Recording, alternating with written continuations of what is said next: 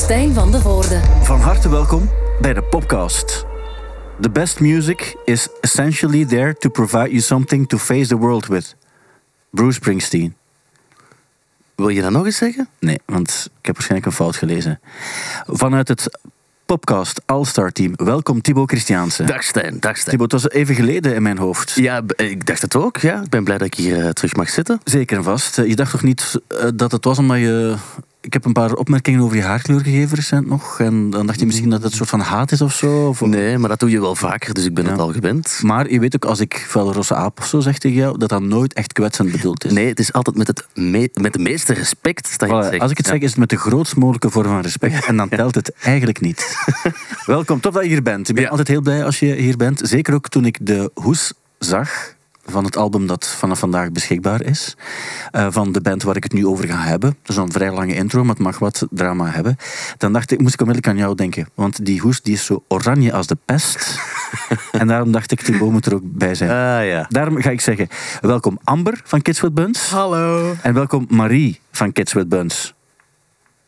En het blijft zo, hoe komt dat het zo stil blijft? Dat komt om- waarom is Marie te laat? Waarom, waarom doet Marie een Kirsten Lemeijerke? Ah wel, Marie zat op een trein en toen is er blijkbaar iemand voor een trein gelopen. Ja. Oei, En, ah, is ja. het echt... echt... Ja, het wa- maar, dus, maar niet Marie, hè? Nee, nee, nee, oké. Ja, nee. maar dus heeft een vriendin, tevens onze meest beste, beste tourmanager, opgebeld, die Ja. haar nu met spoed naar hier aan het voeren is. Dus ze echt- gaat er zo meteen zijn. Ja, ik weet het, maar dus geen, eh, eh, ik, ik, ik heb ook een treinverleden, soms ook nog een heden. Dus ik weet hoe treinen kunnen zijn. Dus Ik weet het geen, ook. Ja. Eh, geen, geen enkel slecht woord over haar, behalve dat het te laat is. En bij Kirsten is het bijvoorbeeld, die komt echt altijd te laat en die geeft geen reden. Dan is het zo van, eh, wa- waarom ben je wat later? Dan zegt ze, omdat ik Kirsten Lemaire ben. Pijn, pijn aan de goesting ook, denk ik. Ja, of zo, soms komt ze binnen en normaal, als ik ergens te laat zou zijn, kom ik binnen en het eerste wat ik begin te doen is mij, ah, mijn excuses, want het probleem was, ik ben op tijd vertrokken, maar daarom, daarom. Kirsten die komt soms binnen met twee middenvingers in de lucht, zo wandelt ze dan binnen. Zodat er niemand iets gaat, gaat zeggen of niemand gaat haar dan aanspreken. En bij haar werkt het ook, want we respecteren haar ook voor de rest wel voor wie ze is. Dat is Kiki. Alleen dat is gewoon, dat is de Kirsten die, die, niet iedereen, die niet iedereen kent. Maar goed, daar gaan we het op een andere keer nog veel uitgebreider over hebben. Wat ik vooral ook eh, zou willen zeggen, is gefeliciteerd met de debuutplaat. Dankjewel. Out of Place. Ja. Wat ik zei is wel waar, het is een oranje album en daarop staat dan dit. Ik, had- hopla, ik heb hem nu mee. Dus voor de mensen die gewoon rustig aan het luisteren zijn, die kunnen natuurlijk niet, eh, niet zien wat er nu gebeurt. Maar ik kan, Ja, ja. eh, misschien moet ik aan Thibaut vragen om het te omschrijven, want jij bent een onafhankelijke partij. Ah, ja, ik zie nu ook net de album eh, Hoes in de Ja. prachtige platenkast hier Ja. in de studio staan. Ehm, het is een soort van ehm, tweekoppige teddybeer. Ja. Die toch ook al wel een beetje opgelapt lijkt. Ja. Met een leuke strik rond. Eh, een beetje sip kijkt. En dan voor een prachtig oranje vlak. Ja, dat is wel waar. Maar ik vraag dan ook, eh, Marie, ehm, excuseer Amber, hoe het komt dat de, de mondhoeken van de beer al dan niet bewust naar beneden getrokken zijn. Je weet, een, een dolfijn, het belangrijkste misverstand bij dolfijnen is, die lachen altijd, die zijn zo gelukkig. Maar het probleem is bij een dolfijn dat die, die mond is automatisch in een lachbeweging. Van nature staat die mond in een lachbeweging. Waardoor een, een super pissige dolfijn, Ja, die kijkt nog altijd vrolijk. Amai, maar dat is kei erg dat die hun gevoelens zo nooit herkend kunnen Ja, krijgen. daarom wordt er veel op, ge- op gejaagd op dolfijnen. Zeggen, die, vinden, die vinden dat niet erg, want die blijven maar lachen. Maar nee, is, het, is het die, die mondhoek, is dat, want goed opgemerkt, eh, Thibaut, als ik het zo mag zeggen, is, dat, is er een reden voor? Ja, het- de beer is een beetje een sippenbeer. De plaat gaat zo over enerzijds opgroeien en anderzijds je een beetje zo de vreemde eend of beer in de bijt voelen. Ehm, en daarom wouden we ook wel zo dat die beer zo'n beetje enerzijds de tienerjaren eh, zo, zo wat resembleerde, dus, dus een beer is. Maar anderzijds ook wel echt een beetje zo, ja, fucking weird. En Ja, zo. Ja, ja oké. Beetje zoals Marie en ik in onze tienerjaren, alleen hebben wij dan één hoofd. Hoe lang heb jij met een, eh, een, een diertje of een beestje in, eh, in je bed geslapen? Ah wel, maar ik, dus totaal niet lang, want Mhm. ik ben een subielt allergisch aan huisstofmijten. Maar Marie, Nee. nog steeds. Oké, maar echt? zijn Als ze terugkomt. Maar, Jij- was al bezig over tienerjaren. En ik dacht, toen ik in mijn tienerjaren zat, ik sliep nimmer met teddybeer. Dat is echt wel waar. Ja, maar wacht, maar ik weet bijvoorbeeld, om maar iets te zeggen, dus mijn, mijn dochter die is ook al richting van de 18, is, die gaat als er volk komt of zo, hè, vriendinnen blijven slapen of zo, dan gaat dat allemaal niet gebeuren. Maar als ze alleen naar bed kruipt, ik ga het niet mogen zeggen, maar... En ik denk ik van, waarom ook niet? Ik ben ook de laatste die daar een opmerking over als, als dat op een of andere manier een vorm van comfort is of, of zo. Ja, Tuurlijk. Dan, dan- waarom, waarom zou je het niet doen? Maar dus, de beer... En dus gefeliciteerd met... Het is jullie debuutplaat. Ja. Je hebt wel natuurlijk al zoveel uitgebracht. En Ja. en, ja toch best wel wat. hè. en mensen wel. kennen al wel liedjes ook Ja. wel van jullie. De nieuwe lichting die was ook belangrijk voor jullie, denk ik. Eh, Daar kan je nu nog altijd voor inschrijven, denk Klopt, ik, als je wil. klopt. En ehm, dat is eh, een ding dat jullie toch wel ergens gebracht heeft. Ook niet alleen met wat jullie nu doen, namelijk een album uitbrengen, maar ook qua podia en zo. Jullie hebben onlangs in Duitsland ook gespeeld. Ja. Ik heb gehoord dat dat een van jullie beste concerten ooit is geweest. Dat was misschien wel het beste concert ooit. Vertel eens in wat voor omstandigheden het juist gebeurde. Wel, dat is een showcase festival, Reeperbaan. Dus normaal gezien is dat, staat zo bekend om een beetje showcase festival betekent industriemensen in het publiek, dus Ja. geen fans of zo. Eh, en wij speelden daar bovenop dan ook nog eens in een zaal met een zitpubliek. Ehm, en allee, vroeger maakten wij nog wel intieme slaapkamerpop. Tegenwoordig is dat helemaal veranderd en gaan wij gewoon rocken, man. Mhm. Ehm, dus wij stonden daar eh, en, en we dachten dan van ja, we, we gaan gewoon ons best doen om ons te smijten. En ineens begonnen die mensen zo allemaal recht te staan. En er was ook zo de hele tijd één vrouw in het gangpad, zo naast aan de zeteltjes, zo echt al vanaf het tweede nummer echt zo aan het zo buikdansen bijna. Want eigenlijk, wij noemen dat viben, als ik het zo Ja, hoor. Dat is wel waar. Ja, ja. Ja, en dat was, ja, dat was echt crazy. Ja. Dat publiek was echt... En die bleven maar klappen. En we waren echt zo van, wow, denken ze dat we gedaan zijn? Is het een hint dat we moeten stoppen? Maar ze waren gewoon heel Dat enthousiast. was eh, fijn om te horen. Dat was in Hamburg. Ja. Dat is de stad ook waar de Beatles eigenlijk echt begonnen zijn, waar de Beatles de Beatles geworden zijn. Dat is eigenlijk niet in Liverpool gebeurd, maar is in Hamburg gebeurd. Ja. Ben je ook zo gaan kijken naar de, de Keizerkelder en dat soort plaatsen? Want er schiet niet zo heel veel meer van over. natuurlijk. Ja, we hebben geprobeerd eh, om een stapje in Hamburg te zetten. Maar ehm, ja, ik weet niet, een paar pintjes later is dat niet meer gelukt of zo om tot oké. daar te geraken. Nee, de, Ja. de Beatles in die periode zouden net hetzelfde gedaan hebben, of niet Ja. gedaan hebben. Dus op dat gebied ook. eh, Het was wel een wilde stad. Ja, ja, Ja. dat is het absoluut. Maar wel een interessante stad. En dat moet, Ja, ja, het, zeker. dat moet het dus in de vroege jaren 60 ook geweest zijn. Dus eh, vanaf nu kan je het album Out of Place van Kids with Buns beluisteren. Kan je ervan genieten. En als je het echt goed vindt, kan je op 7 december naar de AB. Want dan spelen jullie daar. ja. Dat is ook iets, hè? De AB. ja, ik heb nu al stress. Ja. Het is ja, niet normaal. Ja. Maar ehm, het, gaat, het is voor veel bands, denk ik, en ik kijk ook naar Thibaut dan. Als je echt voor, voor het eerst in zo'n volle AB mag spelen, dat is toch iets. AB is denk ik voor elke Belgische band wel zo de zaal. Ja. Ik denk dat daar de- zo de meeste, hoe moet ik het zeggen, ehm, dat is zo iconisch, daar hangt zo wel een legende rond. En ik denk als je in de AB gespeeld hebt, dat je dan pas kan zeggen van, oh ja, we hebben, Ja. we hebben zo een mijlpaal bereikt. En we hebben een paar keer in de AB mogen spelen, maar zo de eerste keer zo een eigen show, niet een voorprogramma. En als dat dan uitverkocht geraakt, dat is, ja, zijn wel echt concerten die ik nog altijd het beste herinner. Ja. Ik, eh, ik, ik heb jullie in de AB ooit gezien. Ik heb Oasis ook twee keer in de AB gezien. Kijk, kijk eens aan, kijk eens aan. En dan binnenkort Kids with Buns. Ja, Ook nog een grote dank en een, een felicitatie ook voor Majorga. Mm. We hadden hier in de podcast gezegd Ja? van, weet je wat cool zou zijn, is mocht je op een bepaald ogenblik beslissen, om dan, het ging over die documentaire over eh, van How You Remind Me en zo, daar ging het over. En eh, ik had dan gezegd van, het zou wel cool zijn mochten jullie nu How You Remind Me van Nickelback ook, ook willen spelen. En eh, dan hebben ze plots ook dit gedaan.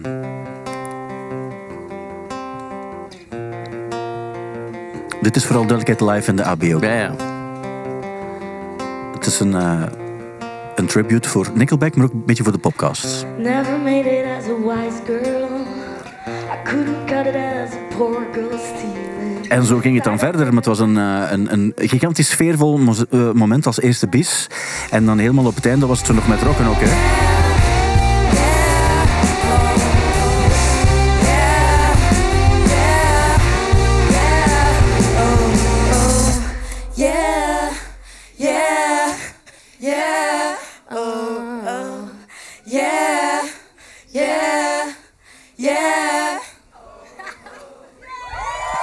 En je hoort dus...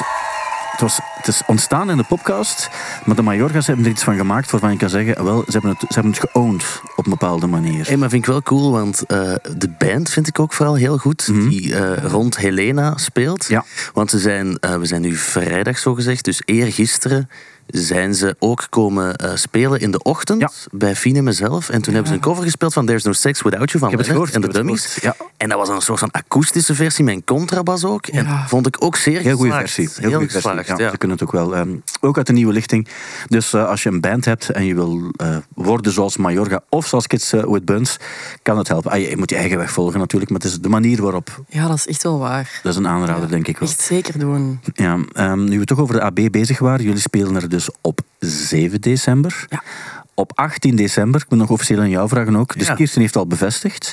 Ehm, ik heb ook al gehoord van eh, Jan, dus van Glins, dat hij, dat hij komt kijken. Dat het echt ook is. Ik ga misschien vragen of hij die Roma Roma ook zou willen eh, komen zingen. Voor, eh, En, ja, dus om het nog even kort. Dus de vraag die ik wil stellen aan jou, Thibaut, is: zie het zitten om de podcast live in de AB op 18 december om als podcast All-Star aanwezig te zijn? ja, Dat is jouw antwoord. En ehm voilà, dus dat is bij deze ook officieel gedaan. het staat ook in de agenda. En het is denk ik de eerste keer dat je zo ver van tevoren vraagt of Ja. je een podcast kan Maar dat komt ook omdat ehm, het gaat iets onwaarschijnlijk zijn. Dus de opbrengst gaat naar de warmste week, Ja. moet ik nog vertellen. En het gaat, dus iedereen krijgt een cadeau van mij. Die cadeaus, daar bestaat soms wat discussie over. Want nogmaals, soms wordt er gezegd, ja, maar is dat een cadeau voor de persoon zelf? Of sommige mensen beschuldigen mij soms dat ik die cadeau leuker vind dan degene die ze krijgen. Of soms zou het zogezegd geen cadeau zijn. Maar daar kan je over blijven discussiëren en dat, daar komen we nergens mee. Maar daarnaast wordt er ook een jaaroverzicht. Dus we gaan eigenlijk praten over wat er muzikaal is gebeurd op onze eigen manier. Ja. Dat dingen kunnen zien. En er zal ook een band zijn waarbij al besloten is dat we dus iemand nodig hebben die, die gitaar kan spelen ook. Ik kijk dan ook naar jou. Ja. Ehm, ik zal bas spelen. En dan hebben we ook nog Otto Jan, die kan ook wat gitaar, die kan ook wat zingen. Kirsten speelt Kirsten instrument. Kan Kiki niet heel goed zingen? Ze kan heel goed te laat komen, maar kan ze goed zingen. Ja, ze kan ook Dat best wel goed zingen. tamboerijn wel kan spelen. Ja, en op Pukkelpop heeft ze zo haar stemgeluid is Oh, ja, en dat dat was goed. eigenlijk best goed. Dat was I goed. Feel Love heeft ze toen gezongen. Dus ze kan zeker zingen. En dan hebben we nog Leonard Korovic, ja, die speelt een beetje van alles. En die kan goed streken verkopen op een podium ook en zo. Dus dat ook. En ik ben deze bij je ook uitgenodigd om, Ja, om- om te komen kijken. 18 december is het. Als je muzikanten zoekt, ik heb Amber al eens zien shredden op de gitaar. Ja. Amber kan echt goed Ah, ik geloof het, absoluut. Dankjewel, Timo. Ja, dat is waar. Dat is waar. Eh. Ik, ik, ben niet zo van, de, van het soleren en heel Nee, maar dat En moet jij kan dat ook wel. niet. Wel, maar, maar ja, je kan zo leren. En, en eh, ik weet dat jij dat kan. Helena kan dat ook. Ja, ja. Je hebt, je hebt dus, je hebt dus en, maar nu ga ik iets zeggen dat ik, wat ik eigenlijk liever niets over wil zeggen, maar dat is wel zo. Toen ik jong was, dan waren er heel weinig meisjes die goed gitaar konden spelen. Dus ik kende er ook aan. Later heb ik er dan wel leren kennen en zag je, god ja, die en die. En dan zag, ik zag wel, ik heb het in die voorstelling ook, die gitarist van Michael Jackson, die speelde dan onwaarschijnlijk gitaar. En je had bij Talking Heads ook en zo. Dus er, uiteraard, waren er, uiteraard waren er veel. Maar dat waren niet degenen die, eh, die wij in ons hoofd hadden. Dat waren niet degenen, als, we aan, als je aan iemand vraagt, beste gitarist aller tijden, man of vrouw, doet er niet toe. Je gaat altijd bij Eric Clapton terechtkomen Ja. enzovoort. Gaat bijna nooit een vrouw zijn.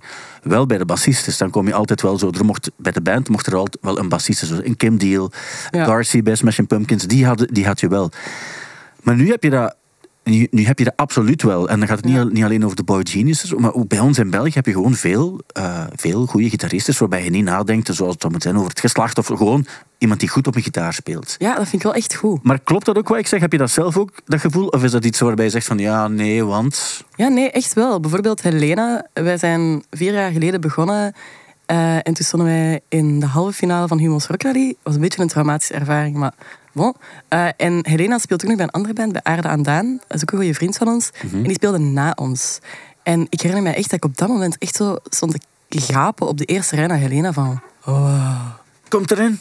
Welkom. Ja, omdat ze goed was ook. Ja, hè? omdat ze gewoon zo goed is. Dag Marie, welkom trouwens ook. Eh, Je moet het niet helemaal dicht doen, want dan ga je de kabels van de, van de dingen. Ik ga wel kapot. Zeg, we hebben gehoord dat er wat, wat treinproblemen waren. Alle, alle begrippen. En, en, Stil. Ja. Maar we waren al begonnen, omdat we konden wat dingen over jou vertellen dan. eh, wat dingen te weten komen ook over jou. En alleen maar goede dingen zijn er gezegd. Bijvoorbeeld het feit dat je eh, goed kan zingen, dat je een onwaarschijnlijk getalenteerd muzikant bent. En dat je nog met een teddybeer slaapt. Dat soort van kleine details. ja. Waar iets mis mee is, hebben we, ook onmiddellijk, Correct. hebben we er ook onmiddellijk bij gezegd. Eh, want wa- waarom, waarom zou je het ook niet... Wat is het, een poebeer? Ja. Ja, het is Ja. een grote poebeer, zo groot. Zo'n grote Ja. verschrompelde poebeer. We hebben de andere beer hier ook, die hebben we al besproken ook. Met de vraag van met de, de, de mond en, en, enzovoort. Ja, ik heb dat wel nog besproken. één vraag Ja, voor de tuurlijk, beer. Hebben jullie die speciaal laten maken voor de albumhoes? Ja. Ja. Ja. Ja. En wie vind je dan Mijn om een oma. beer? Uw oma heeft die gemaakt. Ja. Wow. Dat is toch het beste wat er is, dat je het kan vragen aan iemand die je nog kent. Waarbij je weet van, je hebt er nog... En Ja, we, wat, we zijn, zeg je dan? Oma, maak eens een beer met rare monden en... Ja, en dan zegt hij, ja, tuurlijk, mopke. Dat is echt heel cute. Ook listen uit voor Listen uit, onze grootste Facebook-fan. Ja, ze lijkt alles. is echt? Dat is toch mooi? Want ik weet, Ja, ja. eh, we zijn ooit in de Rock'n'Roll Hall of Fame geweest. En daar heb je daar allerlei dingen, zoals bijvoorbeeld, wat is dat? We hebben zelf de laptop van Skrillex. Skrillex, ja. Ja. maar ook eens een gitaar en een broek van iemand of zo. Of een ticket dat ooit van Elton John is geweest. Wow. Maar dit ook, ja, dit, we weten nu, de plaat is nu, is nu uit. Nu, nu moet je dat loslaten. En nu kan het zijn dat, dat... Het zou kunnen dat 8 miljoen mensen bijvoorbeeld die plaat gaan kopen, streamen enzovoort. Dat een- en dan weet je, dan wordt dat een soort van reliquie. En dan kan dat ook op zo'n plaats of ergens helemaal anders terechtkomen. Dus je moet er zorg voor dragen en je moet die koesteren ook. Maar Ja. allee, dat wisten jullie zelf ook wel waarschijnlijk. Maar het zal zonde zijn, want ik kan me voorstellen dat sommige, sommige dingen ja, die worden dan vergeten en weggegooid. Terwijl je weet dat zoveel mensen dat cool vinden om, om, eh, om dat dan te zien of zo. Dat Ja. is wel, ik heb dat ook, als ik zo bepaalde dingen zie, ook al is dat een, een dom voorwerp, maar als dat, iets, als dat deel uitmaakt van iets dat je ooit heel cool hebt gevonden, dan is dat meer dan, dan een dom voorwerp. Zeker. Ja. Oké, zeg het over. Zeg, maar wie van jullie woont er nu in Sint-Niklaas of omgeving Sint-Niklaas? Ja, ik woonde daar, dus Ja. mijn officiële adres staat daar nog, maar ik, ik ben verhuisd naar Mechelen. Ah ja, ja Mijn oké. ouders wonen daar nog. Oké, oké, oké. Maar je hebt nooit iets met Sint-Niklaas te maken gehad? Nee. Sorry, maar als mensen aan het luisteren zijn, iedereen- ik zag hier meteen zo, wie woont er in Sint-Niklaas? En Amber deed zo van, oh, oh ik is zeker niet. Ik is zeker. Maar, maar want ik weet, soms werden jullie zo wel omschreven. ook. Ja, maar ik, wel, maar ik, maar is ik weet ook dat niemand er nu nog woonde, maar ik wist niet dat, dat Marie was die, die dan uiteindelijk wel... Ja. eh, maar je bent dus weggegaan. Ja. Ja, Mechelen is... Ik, ik mag niet per auto rijden.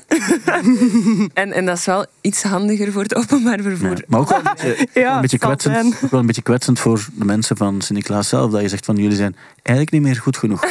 dat heb ik Nee. nooit gezegd, hè, Stijn. alle, be- alle begrip, voor alle duidelijkheid. Eh, alle- nee, alle begrip kan ik niet zeggen, maar veel begrip. Oké, Dat ça va. wel. Veel Oké, begrip. daar dat is kunnen we goed het mee genoeg. Ja. Ehm, nee, dus dat doet er ook niet toe natuurlijk. Wat vooral belangrijk is, dat het album nu beluisterbaar is. Ehm, waarvoor dank om het te maken. Want het is toch niet altijd evident. En, en, aan, aan plaat maken, daar stopt er zoveel tijd en energie, Mhm. geld en ook je hart in. En dan is het er. En dan, dan, dan vind ik het altijd spectaculair dat je dat hebt kunnen doen. En dat zeg ik ook tegen jou, Thibaut. Mm, oké. Want bij jou doet het nu al vijf jaar aan die nieuwe plaat. Dat is spectaculair. Lang. Ja, Denk- het duurt lang. Denk hem aan, Thi- Thibaut, tien liedjes. Hoe lang kan het duren? Ja. En wanneer gaat ze niet af zijn? Eh, normaal gezien zou er de laatste hand aan gelegd moeten worden, muzikaal gezien dan, eind deze maand. Ja. En dan beginnen we mixen masteren, dus ja, ik, ik kan niet goed zeggen wanneer er iets uit gaat komen, maar het album gaat wel hopelijk eind deze maand af zijn. Nou, Oh. mix en master, hoe lang kan het allemaal duren? Niet zo lang, niet zo lang. Mixen en veel- masteren, niet, niet zo, Zo, want eerlijk, zo mix en master, dat is toch vooral wat streken gedoe, hè? Nee. Wij, nee, wij nee, kunnen nee, heel nee, lang nee, nee. mixen. Nee, nee, nee. Nee, nee. nee, nee, maar ik probeer maar. Eh, Bij, bij jullie snap ik het, bij jullie snap ik het wel, eh, vooral duidelijkheid. Bij jullie snap ik het wel. Komt er ook zo'n foto van jullie op Times Square? Dat is al geweest. Is het al geweest? We zijn daar al geweest. Ja. Maar hoe komt dat we die foto niet gezien hebben? Ah, We hebben die gedeeld, We hebben die echt. Ja. Maar ik denk, Stijn, want ik, ik denk ook te weten waar je naartoe wilt, maar ehm, ze zijn al heel lang bezig met zo die Times Square, waar dat dan vrouwelijke artiesten opkomen, Ja. zo Ja. equality Ja. playlist. Isolde Lazoen, Celassou, blijkbaar ook Kids with Ja. Buns, Ja. maar ik heb het niet gezien. Maar Coeli, Pommelien Thijs, allemaal. En nu Ja. stond Laura Tesoro erop. Ja. En plots schrijft HLN Ja, Laura ja. Tesoro op Times Square. En dan dacht ik, ja, maar er zijn toch al zoveel Hallo. Belgische artiesten. Ja. We zijn natuurlijk. ons ja. vergeten. En dat is met alle duidelijkheid niet tegen Laura Tesoro, maar ik dacht wel, oh, we, we zijn al wel heel veel Belgische Ja. artiesten precies aan het vergeten die er ook al op stonden gewoon. Ja. Daarom vind ik het belangrijk dat we het wel eens dat is gezegd al hebben. lang geleden. Dat is Ja. al anderhalf jaar geleden. Ik denk Ja. dat we helemaal aan het begin van die campagne een van de eerste waren. Echt? Ja. Ja. Dat is wel heel cool. Ah, op zich, Dat was wel heel graag. dat is, maar dat is toch onwaarschijnlijk ook als je al eens op Times Square bent geweest. Thibaut heeft er ooit in zijn blote gestaan. Oh. Dat is waar, dat is echt waar. nee, nee. Dat is waar. Ehm, crop top. En, bloot. en, een, en een Ja. crop top, ja. Oh. Ehm, eh, en was een vrije keuze van hem. eh, Hij wilde dat eens doen. En eh, toen eh, dacht ik ook van, stel je voor dat je hier... Je kan dat dan relativeren van, ja, ja, maar het was, het was niet lang of wat dan doet het niet toe. Maar het feit dat, je daar, dat dat ooit gebeurd is, dat is toch... Dat is wel heel erg cool. Ja, ja.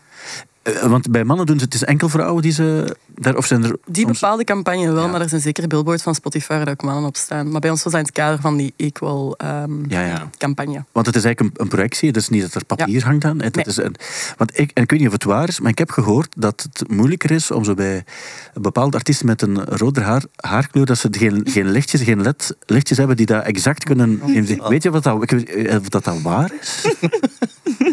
Oh, moet ik daar niet op reageren? Het goede is is dat als er nu gefilmd wordt sinds kort, dat je dan af en toe beter kan inschatten wanneer Stijn een mop aan het maken is. In eh, Manchester is op dit ogenblik het Beyond the Music Festival eh, aan, de, aan de gang.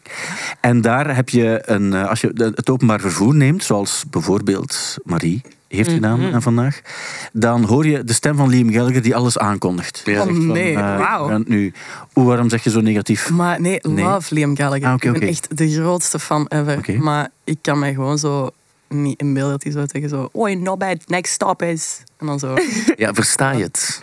Ehm, maar ik heb het zelf nog niet gehoord. Ah, ja. Ik weet dat het nu omwille van het festival bezig Ja. is. En ik dacht van, wel nog plezant als je dan op zo'n tram zit, zelf al versta je het niet helemaal. Maar ze willen op die manier mensen aanmoedigen om binnen Manchester zelf het openbaar vervoer te nemen om naar de verschillende locaties te om gaan. afgeblaft te worden door Liam Gallagher. Ik weet eigenlijk niet of hij, of hij zou afblaffen, dat weet ik eigenlijk niet. Ik denk hij nog, nog wel best... Als hij zoiets doet... Ik weet ook bijvoorbeeld, deze week was het, eh, wat hier op Studio Brussel ook eh, gevierd is, is de, de Mental Health ehm, eh, Ja. dag, eigenlijk, waar heel veel reactie op gekomen is. En hij post ook, hij heeft het nu ook gepost op zijn Instagram, waarbij hij dus zegt van, kijk, als je iets zit, praat erover. Wat, wat heel belangrijk is, dat zo iemand dat Ja. doet. Ehm, waar wel mensen denken, want het is zo'n macho figuur enzovoort ook. En zeker in het noorden van Engeland, waar dan heel veel ja, toch altijd er wordt niet gepraat over dingen. En dan zo iemand zegt van doe dat maar. Dat, dat, moet toch wel helpen op een of andere manier, denk ik. Ja, zeker Toch? wel. Ja. Ja. Zeker ook omdat hij uit een andere generatie komt, waar dat dan nog net, net iets minder bespreekbaar was. Ja, dan? absoluut. Wil je dan zeggen dat hij wat ouder is? Nee. Nee, Een- oké. jawel, Ja, eigenlijk een wel. beetje, beetje ouder. Klein beetje ouder. Een beetje, beetje ouder wel. Maar daarom niet minder knap, hè. Allee. Nee, nee, maar dat, Man. dat is... eh, als je, en van binnen. Als je, als je maar mooi bent van binnen. Dat is het allerbelangrijkste. Dat is waar. Nee, Stijn. Ja, dus dan ook nog het eh, festival. Ja, de- Israël, we gaan het toch heel even over hebben. We zullen het misschien beperkt houden, want het kan ons heel ver leiden ook. Ehm, maar dus je had dat festival. Wat eigenlijk maar een, een detail is van alles wat er aan het gebeuren is. We hebben daar beelden gezien van mensen die op een festival zijn en die worden daar beschoten enzovoort ook. En dan hebben we vaak het gevoel hier bij ons van we kennen de situatie, we, kennen, we weten ook wat er aan het gebeuren. We ken- we weten wat een festival is en dan kunnen we ons niet voorstellen dat daar zo'n dingen gebeuren. Maar het, het is maar een detail van de totale problematiek die, die je dan hebt. Hè.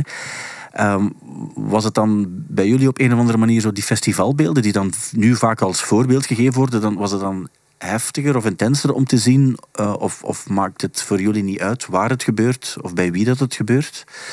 Hmm. Ik vind het sowieso overal verschrikkelijk. Mhm. Maar ik denk dat op een festival wil je wel gewoon je veilig voelen. Maar ja, Ja. dat is overal zo. Ja, maar dan komt In huis ook ergens. zo- ja. mhm. Zo, als, het, als het zelfs al daar gebeurt, komt het wel zo nog een stuk dichterbij van hoe dat de realiteit daar Ja. echt is. Mhm. Ik zou me dat niet kunnen inbeelden dat je zelfs niet meer naar een festival kunt gaan en daar niet meer veilig kunt zijn. Ja, ook, ook voor die artiesten dan, die dan hun fans tot daar brengen. En die fans lopen dan gevaar. Dat vind ik allemaal wel heel heftig. Dat doet mij ook zo denken aan de Bataclan toen. En Ja. Ja. verschrikkelijk. Ik denk ook wel dat dat komt doordat een festival of een concertzaal zo de, ja, toch een beetje gelijk staat aan de ultieme, het ultieme gevoel van vrijheid of ontspanning en amusement. Ja. En als dan zo'n gruwel daar plaatsvindt, komt dat bij sommige mensen misschien nog meer binnen. Eh, want ik moet nu ook wel toegeven, ja, de, de problematiek in Israël en de Gazastrook en met Hamas, dat is iets dat al heel lang meegaat ondertussen. Ja. En je ziet dat dan wel in het nieuws en je ziet dan ook wel vaak gruwelijke beelden. Maar om dan zo'n dingen te zien gebeuren op een festival, ja, daar krijg ik nu terug kiekenvlees van. Ja. Ehm, Ergens vind ik het anders ook wel erg dat het ehm, moet gebeuren op een festival, eer dat er zoveel mensen aandacht voor hebben. Ja, daar ben ik het mee. Al denk ik wel dat er nu enorm veel Ja. aandacht is. Ook gewoon, ehm, zonder te politiek te worden, ik vind het ook moeilijk hoe dat je daar nu mee moet omgaan. Omdat er heel veel mensen zijn die ook kritiek hebben op de eenzijdige berichtgeving van enkel Israël zijn zogezegd de goede.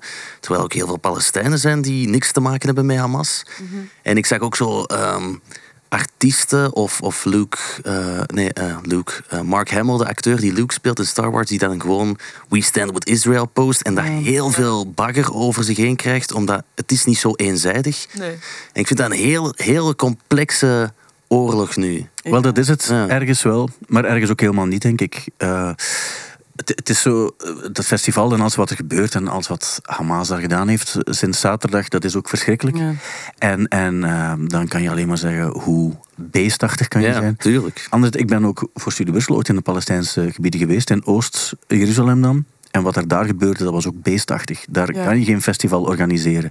Dat zijn openluchtgevangenissen. We zijn daar rondgegaan met mensen van Amnesty International, van Oxfam. We hebben gesproken met iemand van het Belgisch consulaat. En die zeiden ook, wat Israël hier doet, dat is een totale schande. Ja, dat wordt niet veroordeeld.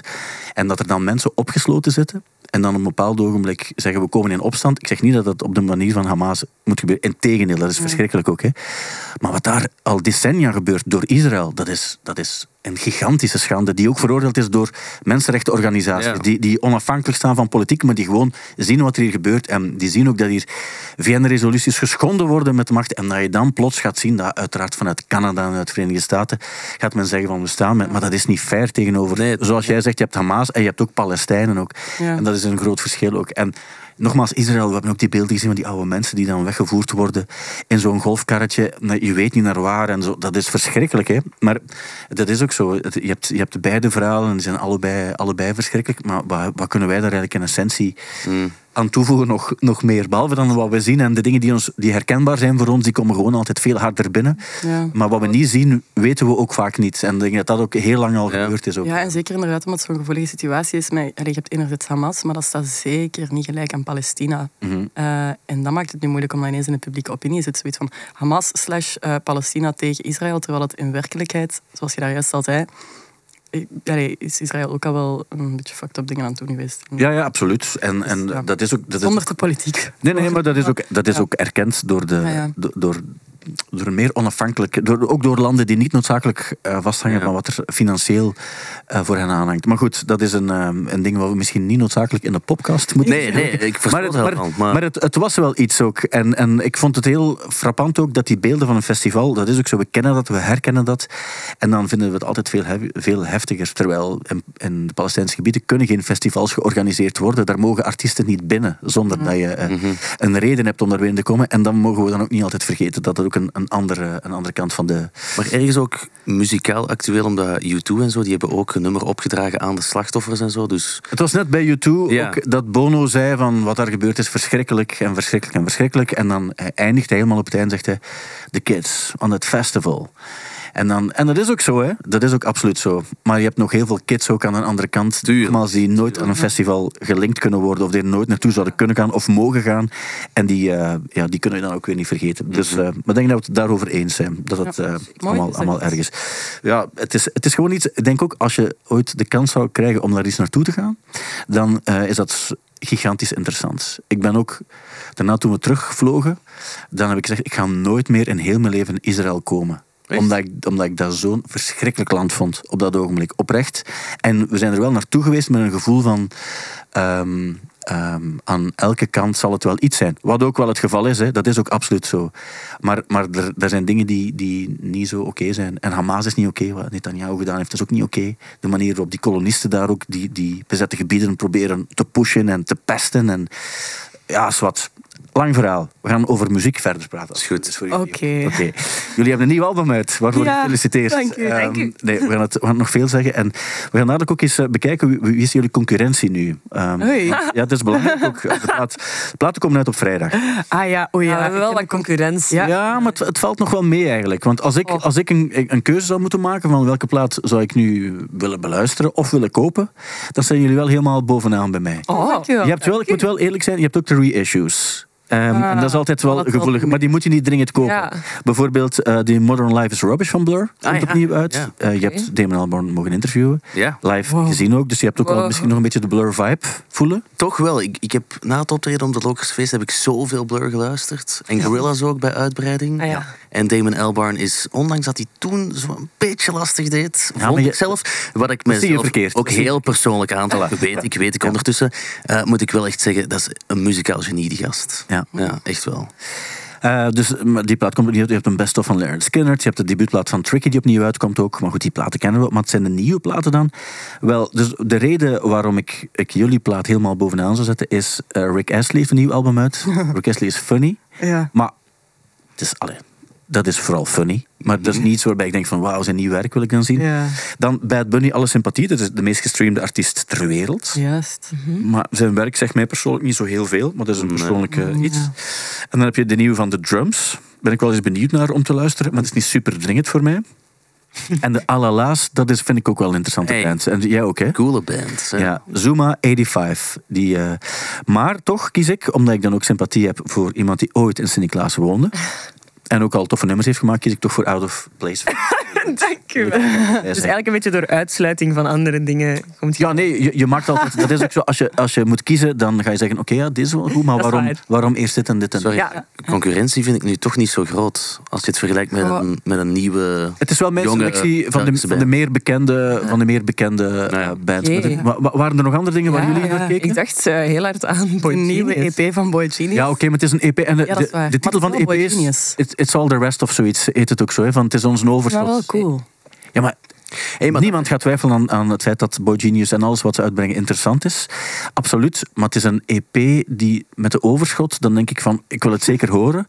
Maar is het interessanter dan een plaat waar heel lang aan gemixt en gemasterd? Ja, Ja, ja, ja. vind ik heel mooi van je. Dat is wel echt het grootste compliment dat we hebben gehad over het album. Maar ik ben, ik ben pro, zeer pro Boy Genius, maar ik blijf ook bij mijn punt dat ik soms nog iets meer fan ben van wat ze onafhankelijk doen Ah, ja, dan van oké. wat ze samen doen. Wow, hmm, moeilijk. Maar dat staat los van, want we hebben op Pukkelpop ook lang over gehad. En hoe ze dan op een podium staan, dat is de max, dat is fantastisch. Oh. Maar als ik dan, ik, ik heb Phoebe Bridgers ook solo gezien en dan dacht ik van, dat, was Ja. ik, dat vond ik nog. Nu was het ook, zo, om, het, om er toch nog één keer op terug te komen, bij Boy Genius had ik het gevoel van, die sfeer in die tent was fantastisch. Iedereen was er zo klaar voor. Iedereen heeft zoveel sympathie voor hen, voor alles wat ze doen en wat ze kunnen en waar ze voor staan. En dat is zo cool dat je, dat je bijna vergeet dat. dat ehm, maar zo is dat bij mij. dan. Ik had dat ook toen ik het zag op dat ogenblik.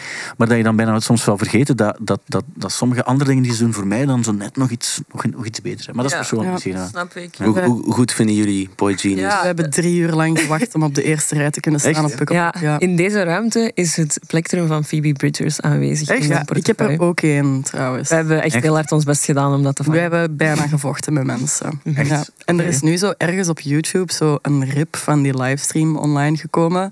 Eh, ga het niet kijken, zou ik zeggen aan de luisteraars vooral. Ehm, niet omdat Boy Genius daar geen geld aan verdient, maar vooral omdat ja, er staan dus af en toe beelden tussen van wij die dat er echt zo... Ja, I don't know why I am. Als ik terugkijk naar Pukkelpop, dan weet ik niet goed of dat nu mijn hoogtepunt het optreden van Boy Genius was of ons eigen optreden. Maar is het, want ja, jullie hebben er ook gespeeld de laatste dag, denk ik. Ja. Ehm, Ja. maar als jullie daar stonden, was het zo dat, dat jullie ehm, overweldigd werden? Dat jullie echt zo, dat, dat, zo, dat, dat jullie zagen opkomen en dat de tranen in de ogen kwamen? ja, toch wel. Want ik, ik vind dat eh, een van de mooiste dingen die er bestaan. Ik vond het trouwens ook bij, bij het concert van. ehm, ik kan er. Steve Lacey, daar was ik enthousiast over. Daar- daar- Castaya. daar- daar zijn we ook naar gaan kijken. bij. Steve Lacey. Nee, ik, was, eh, ik had wel sympathie, maar ik had er meer van verwacht. Want sommige nummers vind ik heel cool van. Steve Lacey, maar het was in het begin was het wel zo wat raar wat er gebeurd was. Ook, hè. Maar Maar wel, het- welk optreden? ja, ik, Pukkelpop ook? Ja, Pukkelpop de eerste avond. Dan eh, Was was, Billie Eilish daar. En Ah, ik ja. vond het eigenlijk heel mooi zo dat, dat wat, wat, wat dat deed met mensen ook. En ik heb dat ook, ik heb dat ook bij artiesten waarbij ik weet van... Ik doe alsof het me niets doet nu, maar het doet mij wel eigenlijk heel veel. Zo, want ik vind het fantastisch wat er hier aan het gebeuren is. Ik vind dat heel schoon en schoonste die er bestaan. En soms is het ook als mensen gewoon een podium opwandelen, dat je dan hebt van, van dat je kikkervlees krijgt. Ja. En, niet, en dat is een combinatie van wat, het feit dat je het dan, dan ziet en het feit wat, wat met publiek doet ook. En, zo. en ik had dat ook wel bij, bij Genius bijvoorbeeld, omdat je ziet, dat betekent hier zoveel voor die mensen. En ik moest eraan denken toen je vertelde van stond op de eerste rij. En Ja. Maar ik was dan af en toe naar die, ik was niet naar die opname aan het luisteren van, van Billie Eilish om te horen hoe de mensen meezongen. Maar op de eerste rij zijn er mensen die ook al contact maken met die microfoon en die opname is bijna onbeluisterbaar. Ja. Mensen schreeuwen daar eigenlijk over. Ja. Wat eigenlijk heel, eh, heel funny is ook, hè, maar, maar die, het is niet beluisterbaar. Ja, Ja, ja, ja. Ja, we hebben ook wel hard geschreven. ja, ik Ja, ben zijn niet van, oh ja, ja maar, ik was absoluut die persoon bij Boy Genius. Ja. Ja. Maar ja, maar wij waren ook niet alleen, dus dat maakt het ook zo wat minder. ja. Tuurlijk, maar ik vind het ook helemaal niet erg. Ik vind, je, moet het niet, je mag nooit denken, ik ga zwijgen, want misschien gaat dat de, de opname Ja. verpersen. Waarom niet een concert, dan moet je het moment leven. Wat ik wel zo grappig vind, is soms als je zo... Ik heb dat nu op Pukkelpop niet gehad, maar ik denk een tijdje geleden wel. dat Als je daar zo in het publiek staat en dat er dan zo iemand naast je staat die dat zo de zanger aan het proberen oud zingen is. Die gaat er dan echt zo met zo... Yeah, yeah. Aha. Ah, ja, dat is heel slecht nagedaan, Ja. maar je snapt mij wel. Dat vind ik altijd zo een beetje van... Ik vind, ik Zo harmonieën beginnen doen. hè. vind het wel straf dat jullie je aansluiten bij eh, de Billie Eilish-fans, die dat dan eigenlijk niet meer aan het zingen zijn, maar meer aan het krijsen. Ja. En jullie zijn zelf wel zeer muzikaal. Wanneer het brein zegt van nu ga ik beginnen krijsen en ga ik totaal niks, of bijna amuzikaal. Ja, ja, dat is echt een oerinstinct. het Ja. zijn twee verschillende dingen. Dus Ja. Kan je dat eens uitleggen? Ja. Ik, ik snap het, Ja. maar niet iedereen snapt Ik snap het ook, ja. er is niet zo heel veel aan uit te leggen, want het is gewoon als je dus ehm, op een feestje of op een optreden meezingt, dan zing ik niet met dezelfde stem als dat als ik zing voor echt. Ja. Dat is eigenlijk gewoon het Ja. verhaal. Komt het ook omdat als je zelf een nummer van jezelf zingt bijvoorbeeld, of je, je, je- als jullie optreden, dat je dan het gevoel hebt van, maar wacht, dit is het nummer waar we zo aan gewerkt hebben dat we er op die manier uitkrijgen, eh, dan hou je je eigen enthousiasme onder controle, omdat het Ja. beheersbaar gebracht moet worden. Terwijl Ja. anders als je weet van, nu, dit is, nu ga ik mijn leven erin gooien, dan, dan heb je geen verantwoordelijkheden in hoe het eruit komt. Ja, exact eigenlijk. Dus dan boeit het niet dat het vals is. Dus dan ga ik Ja. gewoon zo hard schreeuwen tot punten dat ik normaal niet zou doen. Ja. Eh, Is, is er een bepaald nummer waarbij je weet, als het live gespeeld wordt... Ik ga het niet vragen om het te doen, voor alle duidelijkheid. Ik ga het niet vragen, want dat is, dat is Nee, meestal nee. de stap die erna komt. Dan, ik ga het niet vragen. Maar is er een bepaald nummer waarbij je weet van, als het gespeeld wordt, dan hang ik eraan. Dan weet ik het van mezelf dat ik eraan hang. En dan ga ik er, in de juiste omstandigheden ga ik ervoor gaan. ja, er zijn beelden van wij die dat meezingen met Not Strong Enough. eh Ja? Dat is echt- Genius. Dat is echt... echt erg. Wij waren die mensen die volgens mij de Dat is micro... zo, die intro begon zo. En, maar we stonden dus niet... Nee, niet toen, Stijn. Nee, nee, maar je, je, hoeft het, niet- je hoeft het niet te doen, hè. Ja, maar ik kan me niet beheersen, Je moet het herbeleven. Het is gewoon, je moet niet meezingen. Is- Sorry. maar dan, dan had je zo het gevoel van, oké, dit is, dit, nu, nu ga ik eh, onbeheersbaar meezingen. Ja. En dan wordt het meer zo wat metal. Dat wordt echt roepen, krijsen. En dat, doe, dat zou ik nu wel niet doen op het podium. Dat is niet onze Nee, nee, stijl. Ja, ja, maar... Maar het is wel cool, vind ik. Want het, wordt pas erg als je het niet meer kan. Als je in een publiek gaat staan en je kan je niet meer 100% geven. Zo. Ja. Dan, dan is het... Ja. Ik moet nu wel toegeven, ik was aan het denken van wanneer heb ik dat nog eens gedaan? En dat was bij Blink-182 in het Sportpaleis. Dat ik ook alles aan het mee brullen was. Ja. Samen met Eva de Roo, die naast mij stond. En ik dacht, dit moet zo onaangenaam zijn voor mensen rondom ons. En toen ben ik daarmee gestopt, omdat ik mij daar bewust van werd. Zonde ook. En dan dacht ik, ja, maar ik moet toch op een of andere manier meezingen. En dan begon ik redelijk onbewust te playbacken. Ah ja, Ah, dat de zonde ook. Ja, en ik weet niet waarom dat ik dat dan doe. Maar Maar dan denk ik, ik wil toch ergens Oh. meezingen, maar ik wil de rest niet Snap storen. don't kill the cringe. Kill the part of you that cringes. En hoe ging dat dan, Thibaut? Want, want aan jou wil ik het wel vragen nog. eh. dus stel je voor, die staat dan op dat concert en dit is begonnen wat een van de grootste hits is. Dat ook. All the small things En dan ga ik stoppen. En dan gaat het zover. Ja, voilà. En ik snap het ook. Ik vind, weet je wat het is? Ik doe dat eigenlijk te weinig. Ik kan soms van zo onder de indruk zijn van een concert, maar ik doe dat te weinig. Ik ben zo blij dat anderen het doen. Hey, maar- Ik ben wel zo iemand, vrees ik. Wat, wat, niet- wat mij niet siert, want ik, heb, ik vind het zo erg. Ik kan me soms wel druk maken als ik vond het was een beetje een tam publiek. En dan beseffen van eigenlijk ben ik ook vrij tam. Echt waar, we- we- dat is misschien omdat we zelf af en toe op een podium staan, maar ik vind het redelijk frustrerend dat je het gevoel hebt van eigenlijk is hier wel een goede sfeer en zijn er een aantal mensen die echt mee aan het doen zijn en de rest is zo nog aan het twijfelen. En dat je Ja. dan, en ik vind dat toch bij een Belgisch publiek vaak het geval, dat er veel mensen zo armen gekruist Ah ja. zo aan Oh. het knikken zijn, want ze vinden het wel goed, maar dan denk ik, laat het los. Ja. Als je in Nederland of zo gaat spelen, Ja, ja, dan is iedereen gewoon direct Niemand. remmen los en niemand kijkt naar elkaar. Ja. En dat is wel zo, ja, mensen zouden misschien sneller los moeten laten of zo. Zoals Ja. de Nederlanders.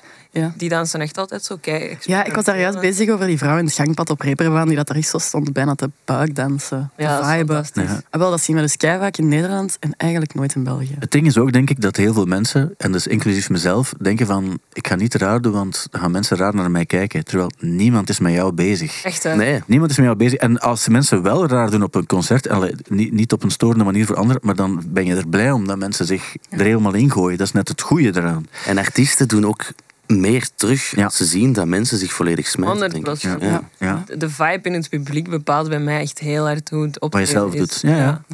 Ja, ik kan echt wel. helemaal energized worden. Als Ja. En soms zijn er ook echt een paar mensen in het publiek Die die, voor de hele zaal gewoon de vibe bepalen. Ja. Ja. Maar dan mag het niet te storend zijn ook, vind ik. Ik bedoel, Nee. als iemand zo constant, zo bijvoorbeeld tussen nummers aan het roepen is. Zo, Nee, Ah ja. geen zatte mans... Nee. eh, ding- allee, ja, zo- of zo opmerkingen die niet nodig zijn. Dat was Zo. bij The Hives bijvoorbeeld. Supergoed optreden. Ja. Maar plots vraagt Alan Pelle, de, de frontman, de zanger, zegt van hè, we gaan het stilmaken. Dus er werd dan zo'n soort van bridge ingezet en de band begon zachter en zachter te spelen. En je wist van, ah, ze willen hier zo meteen een explosie van je welste. En iedereen was zo shh, en begon te zwijgen. Maar dan waren er toch een aantal van die zatlappen die bleven roepen. Ja. Ja. En die frontman was ook heel van, ja, nee, nee, zwijgen, zwijgen, zwijgen. Want je denkt dan, ah, we gaan even mee in dit spel. En die mannen wilden dat niet. Ja. En dan denk ik, man, je zet het nu aan het verpesten voor iedereen. Ja. En dan ben ik dat toch eens gaan opzoeken op YouTube. En dan zag ik beelden van andere optredens van de Hives op datzelfde moment. En als iedereen dan even meedoet en stil is, Ja. oh, dan is dat Ja. ja, extreem cool. Maar ja, Ja. Ja, we hebben het zo ooit een keer gehad en dat was zelfs een, een festival waar dat jij ook Ja. waart. Eh, dat was Rock Olmen Ja. vorig jaar. De camper. En toen, ons, ondertussen zijn onze nummers al iets meer up tempo dan toen. Eh, maar dat was echt in een super rustig nummer, Untitled. En echt zo met een akoestische Zo. intro. En dat was echt Een guy aan de tijd. Fan van Niet eens oh. woorden, gewoon echt kreten. En toen heeft Amber ingegrepen op een, op een heel goede en juiste manier. Ze heeft gewoon dat zo zegt gezegd. nog iets. Ja. Amber heeft gewoon gezegd, ja, we horen nu, oké. En dan is, die, dan is die opgehaald door vrienden of zo en weggehaald van het podium. Zal, zal ik het eh, zeggen of ga jij het doen? Oei, Wat? Ja, sorry voor de camp. Ah, Ongelooflijk. ja. Nee, maar ja, Thibaut. Nee, nee, nee. Ze hebben, ze hebben al zoveel... fijn, Ik ben zelf van de campen, hè. Ik weet het, maar Ah, ja, dan snap je wat ik zeg. Hè. Ja, dat is waar. Wat ik Maar- wil zeggen is, ze hebben al zoveel gespeeld. En dat is eigenlijk altijd fijn en een goede sfeer ook en zo. Nu ben je mij aan het uitmaken. joh. Nee, maar ja. Thibaut, het is, je snapt mij toch ook al wel in, in wat ik zeg? En in Sint-Niklaas is dat niet het geval. Nee. Wat? In Sint-Niklaas hebben wij iets anders. Ja, maar jij bent een hater hè, van Sint-Niklaas. nee, ik ben van, geen hater van Sint-Niklaas. Het, het woord viel en, en het was, nee, het was die het zag. Dat er Maar een het is donderwoord... Het is gewoon... donderwoord. Zeg maar, zeg maar, Amber. mensen denken dan, ik ben ook van Sint-Niklaas, en dan doe ik mijn mond open en dan is iedereen altijd zo, jij verrader. Terwijl dat, ik heb nooit gezegd dat ik van Sint-Niklaas ben. Nee, maar je zou het wel misschien ergens... Er was misschien een tijd waarin je, waarin je het wel wilde zijn. Ja, maar dat, dat durf ik echt niet toegeven voor Nee, mij die campen. wel, Maar dus toen we in Sint-Niklaas speelden, dat was ergens ook op een random festival. En op de eerste rij stonden geen zatte mensen, maar kleuters. En Ah, dat bleken dan de kleuters te zijn waar dat Marie ook ooit nog had, op had gebabysit. Ja, dat is wel En grappig. Die bleven tussen die nummers maar zeggen... Marie, wanneer is, volgende- wanneer is het laatste liedje? Is dit het volgende, wat is het volgende liedje? Ik hoor toch een bepaalde vorm van dedication. En het feit dat je in het Waasland als kind en heel vroeg cultuur van het beste soort... Ja, zo zie ik het ook. Zo, zo kunnen we het zo zien. Want ja, in de camper dan, dan ga je waarschijnlijk eh, al, al op diezelfde leeftijd naar eh, het stamcafé meegenomen worden of zo. En dat mag ook, maar dan zie je wat, wat er van komt. Ja. Nou, Het hangt ervan af hoe je het bekijkt. Het hangt vanaf hoe je het bekijkt. Eh, misschien een ander onderwerp. Ja. Gevoelig. Eh, gevoelig onderwerpen moeten we altijd proberen vermijden. En niet, niet altijd, maar af en toe mag het wel. Eh, Lana Del Rey. Heb je het gehoord van Lana Del Rey? Van, er, was een, een, zat, eh, er had iemand gepost dat het concert van Lana Del Rey, dat de duivel daar wel in zat. Zo'n heel blijkbaar een, een bekende christelijke blogger ergens. En toen heeft Lana Del Rey daarop gereageerd. Wat je normaal dan beter niet doet, want het slaat op niets. Hè. Maar goed, ze heeft toch gereageerd. En ze heeft toen geantwoord... Bitch, I know the Bible verse for verse better than you do. En dan, en dat vond ik heel funny. P.S. You're giving off super gremlin energy. Gremlin. Maar de Gremlins, dat is mijn jeugd ook. En Gremlin Energy, ik kan me onmiddellijk voorstellen, dus de Gremlins. Hebben jullie Gremlins gezien? Ja, ja. Wel, dus jij ook niet, Thibaut? Ja, ik, ik heb dat nooit gezien, maar ik weet wel wat het is. Ja. Dat waren van die schattige beestjes, zoals Mogwai bijvoorbeeld. De band Mogwai is ook genoemd naar Mogwai van, van de Gremlins. Maar als die water over zich heen kregen, dat werd, werd krapul echt. Ja. Dat, was echt zo, dat, werd, dat was echt de camper dan. En, dan heb je, en dan hebben ze op een bepaald ogenblik, eh, dus die mannen wel klein gekregen ook en zo. Maar die Gremlin Energy, dat was echt de, de, de, de, de grootste vorm van negativiteit kroop in die, in die Gremlins. Ik vond dat zo funny gezegd en dan denk ik van, ja, dat is toch... Gremlin Energy. Ik heb er nog een kwartier aan gedacht van hoe, hoe cool is dat als je zoiets bedenkt. Misschien heeft ze het zelf- niet zelf bedacht, maar misschien wel. Dan dacht ik van hoe cool is dat? Want dat, ze heeft gewonnen ook weer, hè, in dit geval. Ja, het is wel een coole comeback. Ja, Gremlin Energy. Ja. Want ik dacht ook van misschien moeten we de titel... Ik moet altijd een titel verzinnen ook. Ehm, maar, ik, maar ik wil niet negatief klinken. Zeker niet naar jullie toe. Maar, maar ik dan zeggen... Want ik moet jullie dan ook vermelden, Kids with Buns. Met Gremlin Energy, mag ik dat zeggen of niet? Want ik, klinkt zo wat negatief. Wij. Gremlin Energy. Nee, helemaal niet, want ik vind jullie heel sympathiek. Ah, dank je. Ja, maar als het over Sint-Niklaas gaat, dan is het wel een beetje Nee, ik, ik wil misschien zeggen Kids with Buns zonder Gremlin Energy. Misschien moet ik het zo... Dat is misschien positiever. wel. Ja. Wel, ik ga het zo formuleren dan. Ja. Thibaut is nog aan het twijfelen. Eh, nee, ik was aan het denken aan Kirsten Lemaire, die... eh, Gremlin Energy geeft door te laten komen? eh, ja, vorige week, was, Zonder, zonder reden? vorige week zat Kirsten hier aan het bureau en ik denk dat de podcast net online stond ook. Ja. En toen was ze aan het lachen met de beschrijving die je geschreven had. Dus nu was ik al aan het denken, misschien moet je haar ook ergens vermelden, zodat ze weet van een Kirsten Lemaire doen is afgrijzelijk te laat komen, bijvoorbeeld, als het over Marie gaat. Ik weet het. Ik was, kunnen- ik was aan Kiki aan het Ik denken. zou kunnen zeggen, het is vandaag de podcast met Kids with Buns, Thibaut en Kirsten. Maar Kirsten is gewoon niet komen opdagen. Ah ja, Dat zou ik ook wel vind ik ook kunnen wel een goede Misschien titel. kan ik dat wel doen. Dat vind ik cool. Dat ga ik doen. Oké, Ik vind misschien het moet wel het zo cool doen. dat ze Ja. zo de Kiki-afkorting heeft. Dat zo alleen Rihanna heeft dan nog, hè? Riri? Ah ja, dat is waar. Dat level? Ah ja. Allee, sorry. Zij is ook trouwens deze week, en dat was niet helemaal onbelangrijk, naar het concert geweest van ehm, PJ Harvey. PJ Harvey, wat eigenlijk te toegankelijk is voor haar, maar ze heeft het, eh, ze heeft het toch gedaan. En ze vond het blijkbaar heel goed. Zijn jullie toevallig ook geweest? Nee. Ik heb wel alleen goede dingen gehoord. Ik zag de setlist en ik dacht van, oeh, niet evident, de, de eerste helft.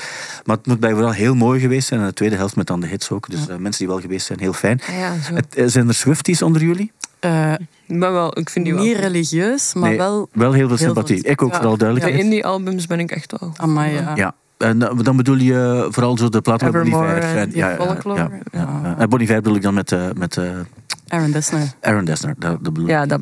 dat. Ja, ehm, de- dus vanaf dit weekend kan je ook in de Cinescope in Sint-Niklaas trouwens, heb ik gezien, kan je naar Taylor Swift, de Eras Tour. Waarschijnlijk gaat het de populairste concertfilm aller tijden zijn met in het openingsweekend een opbrengst van meer dan 100 miljoen dollar. Ja, ik had dus ook gelezen dat eh, er komt een vervolg op de cult horrorfilm The Exorcist. Mhm.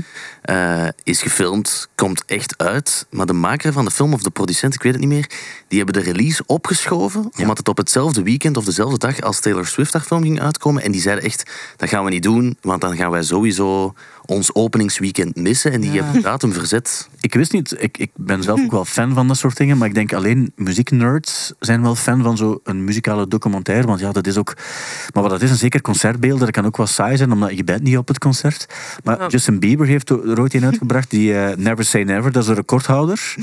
En eh, 73 miljoen heeft hij opgebracht, eh, die film. Ik weet niet of er... Beliebers zijn hier vandaag aanwezig. Ja, ik ga mij uiten als believer. Ik vind dat ook niet verkeerd trouwens, want ik heb ook nog wel... Ik heb altijd een beetje een dubbel gevoel gehad met Justin Bieber, maar ik ben eigenlijk, hoe meer ik hem zie en zo, Ja. hoe, meer, hoe meer ik pro ben. Eh, niet noodzakelijk van zijn muziek, maar wel van hem als figuur. Ja, het- Ik, ik had wel gehoord dat hij deze week ook iets redelijk dom gedaan had. Omdat Maar hij doet heel veel domme dingen, maar Oh, wie ja, niet ja. ook? Ja, ja, ik toch ook, ja. terug over het conflict daar te Ja. babbelen. Hij had blijkbaar zijn Ja. steun betuigd voor Israël en hij had Ja. een foto gedeeld van Palestijnen. Ja, ja. Oh my god. En daarmee hebben we de Baby. Discussie ook wel weer gehad. Maar ik ben ooit ook gaan kijken in het Sportpaleis. Ah ja, oké. Want toen werd ik gevraagd door Studio Brussel, ik werkte hier toen nog niet, dankjewel voor de kolen. Ehm, van, ah ja, wil jij als eh, rocker, punker gaan kijken naar Justin Bieber? En ik dacht, ja, maar graag, want ik heb ergens wel respect voor de popmuziek Ja. die je maakt. Ja. En dat was ook wel echt een belevenis. ja, maar niet, een niet heel veel live, hè. Een belevenis. Ja. dat was veel playback, hè? Veel Maar playback, ja. jij, jij bent wel een grote fan. Nee, het ding is... Ja, wel, Marie. Ik was grote fan. Hè. Dus als tiener was mijn kamer een kapel van Justin Bieber. De baby-periode. Foto's. Ja, babyperiode, de eerste albums. eh wat was dat weer? My World 1, My World 2. Zo Never Say Never die tijd. Dus ik ben absoluut ook naar die film gaan kijken. Ehm, ik weet niet zo goed wat mij toen dreef. Eh, ik vind dat... Maar nee, ik vind het net... Ik, als ik, sorry dat ik, je onderbreek, ik vind het net goed ook dat je dat vertelt, omdat je hebt altijd wel dingen die je later, als je meer met muziek gaat bezig zijn, zo dit, waarbij je niet meer snapt dat het was. Ja. Maar ergens vind ik dat ook wel cool, van no shame. Ik, iedereen, Ja. iedereen heeft altijd wel iets waarbij je achteraf denkt van, goh, nu snap ik het niet meer, maar toen snap, Ja. weet ik wel waarom het zo was. Ja, en ik vind ook zo guilty pleasures. Ik, ik vind niet echt dat dat bestaat. Als je Nee. dat liedje ooit leuk vond en je hebt daarop gevibed, ja, dan vind je het gewoon goed. Hè. Dus er zijn wel een aantal nummers van Justin Bieber dat ik wel kan appreciëren. Eh, Heb je Een zo'n aantal voorbeeld? nummers. Bijvoorbeeld, is er zo'n nummer waarbij je denkt, als ik het nu, als ik het nu hoor... Ze kent het Ah. dansje integraal van buiten. Van, ik ben het vergeten, hoe heet het weer? Ja, maar Ik ga niet vragen om het te doen, maar van welk nummer? dat is gênant. Dat is van One Less Lonely Girl. dat, is echt, dat is echt heel slecht ook. Maar toen vond je het wel, vond je het wel op zich go. iets hebben. Dit, dit nummer ook. Oh, let's go. It's gonna be one less lonely girl. One less lonely girl. One less lonely girl. Siz avantanız lan. Maar hier is het dansje nog niet. Het dansje komt later pas dan. eh, Ja, ja. in het refrein. Ja. Oké, cool. Ehm, ik, ik, eh, ik ken het nummer niet. Ik heb wel de biografie van Justin Bieber. Hij staat, ik, moet- ik moest eraan denken, omdat... ehm, Biografie, die is, die is even uit als, als wij. ik denk dat zijn, zijn, bio- dus zijn levensverhaal is uitgekomen eh, toen hij 17 was. Ah, Wat? Ja, ik heb het uitgelegd ja. omdat ik het Ja, zo ik absurd weet- vond. Omdat ik het zo absurd vond, maar ik vond het fantastisch. eh, Weet u dat de cover er zelfs uitziet? Dat is, Is een echt? witte achtergrond met... Ja, zo lichtblauw. Zo. Ah, en hij staat ah, nee, zo dan met zijn bles. Met zijn bles. er nog... eh, Ja, gelezen. De, eerste, ik heb het niet gelezen, maar ik vond het fantastisch dat het bestond ook vooral. En eh, daar ga ik hem altijd dankbaar voor zijn. Ik moet wel zeggen, een nummer zoals Sorry of zo die eh, Where Are You Now of hoe Ja, ja. Dat zijn maar dat is vooral Skrillex, hè? Ja, maar dat zijn, zijn goede Dat popnummers. zijn Dat echt is goede popnummers. Dat echt album is echt keigoed. Maar Ja. Ja. het ding is, ik vind het altijd een beetje moeilijk om mij uit te spreken over de nummers van Justin Bieber, omdat ik weet dat hij heel weinig zelf schrijft. Ja. Maar ik vind dat is wel, als muzikant is die wel heel goed. Die Ja. kan ontzettend goed zingen. Ook al door het dansen zingt hij niet altijd live. Mhm. Maar als je sommige stukken hoort dat hij, dat hij echt uithaalt en dat... Ja, dit komt echt heel uit over alsof ik hem liever nog steeds... Nee, maar ik vind, ik vind het goed dat je het... Ik meen het oprecht. Ik vind het mooi dat je het verdedigt. En dat is soms wel zo bij heel veel van die artiesten, waarbij je weet van... maar eigenlijk, we weten dat niet altijd. Of, of ze doen het niet altijd, omdat ze effectief te veel aan het dansen zijn. De genre de Britney's en zo. Ja. Dat ze kunnen het, ze kunnen het wel. Ehm, Ja. ja. Nee, ik ben nu het is wel gaan, nostalgie voor mij. Ik ik ben nu wel gaan kijken toen in het Sportpaleis en Mhm. ik heb hem wel geen enkele keer live zien zingen. Nee, nee, ik ben ook gaan kijken, denk ik, de vorige keer. En nee, Ze- nee. Maar ik heb het ook bij Angèle bijvoorbeeld. Angèle live, denk ik van, amai, dat is vals. En dan hoor je die in sessie spelen, waarbij ze Ja. echt zingt. En ik denk van, amai, die zingt echt heel goed. Ja. Dus het is ook gewoon niet altijd zo simpel om die combinatie van dat dansen en waar. dat Ja. zingen Dat en echt doen, ook een denk ding ik waar dat wij wel mee bezig zijn. Er is zo een beetje een balans tussen showgehalte en juist spelen. Ja. En dat is iets waar wij soms binnen onze band wel eens een keer een discussie over hebben. Ik vind dat showgehalte zwaarder moet doorwegen dan 100% juist spelen.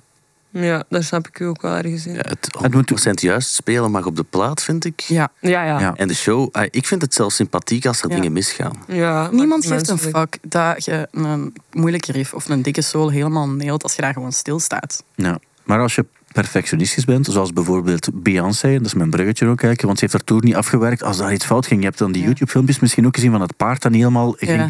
zeggen of ze geraakte er niet af of zo, dan zie je die echt bijna exploderen. Omdat bij haar moet alles perfect exact hetzelfde Ja. zijn en ze kan het ook niet loslaten, dat zie je ook. hè. Sommige mensen kunnen dat niet, niet loslaten. Maar ik En denk dan- nu, dat is misschien een verschil, omdat dat zo... ehm, het showgehalte is daar niet alleen muzikanten op het podium Ja. die zich geven, maar dat is echt zowel eh, met, met eh, ja, acts en dingen die, Ja. eh, zoals dat paard, moeten gebeuren en zo. En als Ja, het paard niet helemaal van boven hangt, Ja. maar halfweg, dan snap ik wel, Ja, dat is echt iets dat niet ja. mag misgaan. Ja, nee, nee, maar ik, Snap ik snap het ook. Oké, dat volg ik ook wel. Maar goed, binnenkort komt daar film uit. eh, Renaissance, a film by Beyoncé. Die zal in december te zien zijn. En dan ben ik wel benieuwd wat ze ervan gemaakt heeft. Want wat ze die vorige, met die vorige film Ja. heeft gedaan, daar in Coachella. Met die, die switch tussen de twee shows en die verschillende kleuren van die, van die band die daar op de achtergrond stond, was wel echt spectaculair. Ik zag ook, en dat is zo'n een, een klassieker om, om dan ook eens te overlopen, wat ze vraagt blijkbaar op haar rider. Je kan er Ah ja, Eh, ja, ja. Ja, wat was dat weer? Dat is echt crazy. wel, ze heeft nu ze wil een, een, een VIP-kleedkamer in egaal gebroken wit moet die geschilderd zijn. De temperatuur moet altijd op 25,5 graden zijn. Warm. Er moeten kaarsen met roze geur aanwezig zijn. Er moet ook altijd een custom-made golfkarretje met zwarte lakens aanwezig zijn. Er moet een, eh, het sanitair moet volledig ontsmet zijn, wat ik ook wel begrijp. Maar ze moet haar eigen toiletbrillen die ze mee heeft. Er zijn zo foto's ook van flightcases met de brillen. De, dus de toiletbrillen van, eh, van Beyoncé.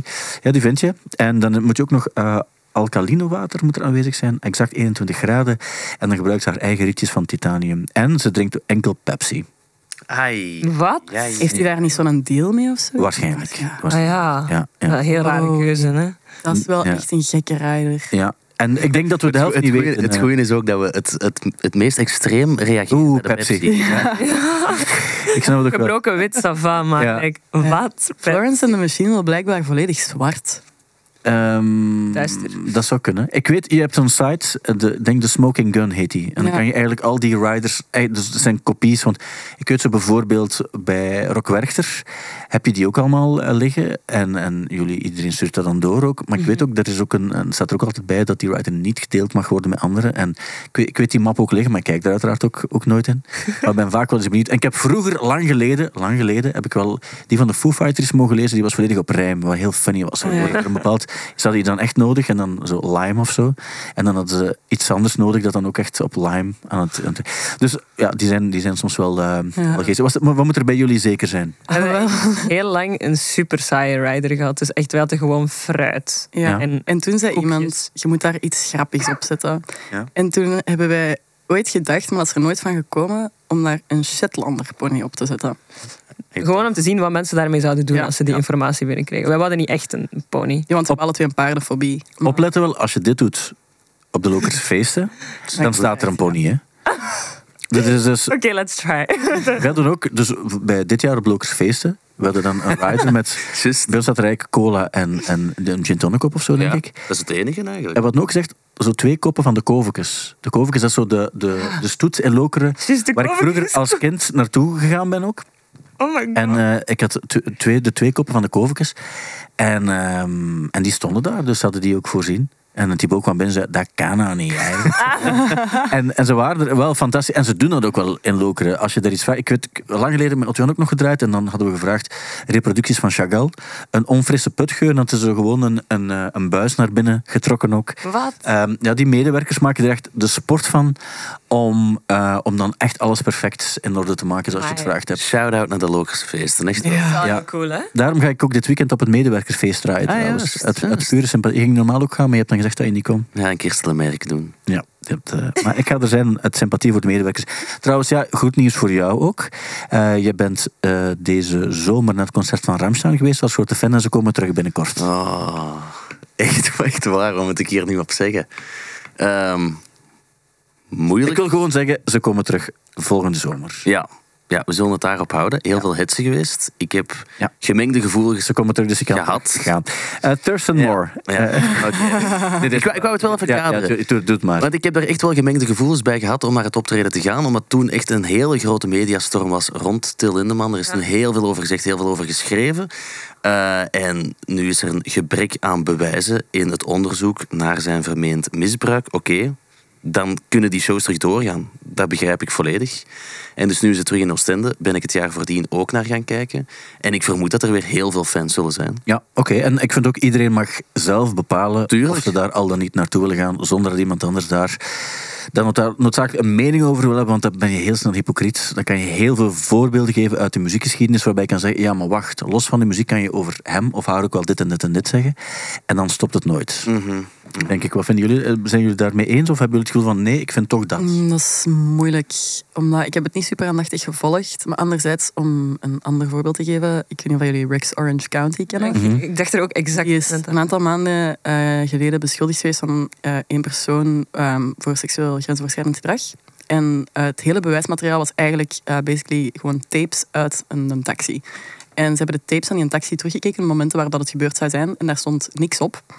Ehm, dus Ja. ja, er is, allee, daar, daar, je kunt bijna met zekerheid stellen dat er in dat geval, in dat geval niks is gebeurd geweest. Mhm. Maar die man is nu wel echt gewoon zo goed als zijn carrière kwijt. Ja, ik vind dat ook super raar om dan nu zo terug op TikTok filmpjes te zien opduiken dat hij terug aan het optreden was. Terwijl ik eerst zo, ergens zit er dan zo in mijn hoofd nog zo'n beetje het foute beeld daarvan. En dan denk ik, wat is Maar dit? anderzijds, bijvoorbeeld nu met Till Lindeman, is het is niet omdat het onderzoek onvoldoende bewijzen heeft dat er niks is gebeurd. Mhm. Mhm. Dus ik durf me daar niet goed over uitspreken. Alleen maar wat er zo in de media soms over gezegd wordt, is echt veel te kortzichtig. Mhm. Mhm. Ja. Oké, ik, ik, ehm, ik denk dat het soms ook heel moeilijk is dat er heel snel een, eh, een, een, een oordeel over iets geveld wordt, zonder dat er echt.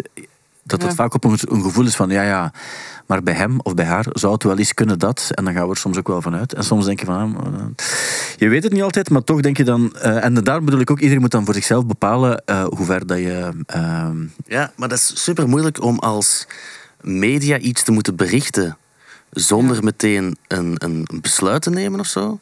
Maar het is ook heel moeilijk voor fans om, als er zoiets gebeurt, om dan niet te kunnen inschatten van, ah, misschien is er wel echt iets aan de hand. ja. Dus het is langs beide kanten een, een denk- moeilijk geval wel. Ik denk dat Kasabian ook een goed voorbeeld is. Je had die Tom Megan van Kasabian, Ja. die heeft dus ooit, eh, ehm, die heeft ooit zijn vrouw geslagen. Ja.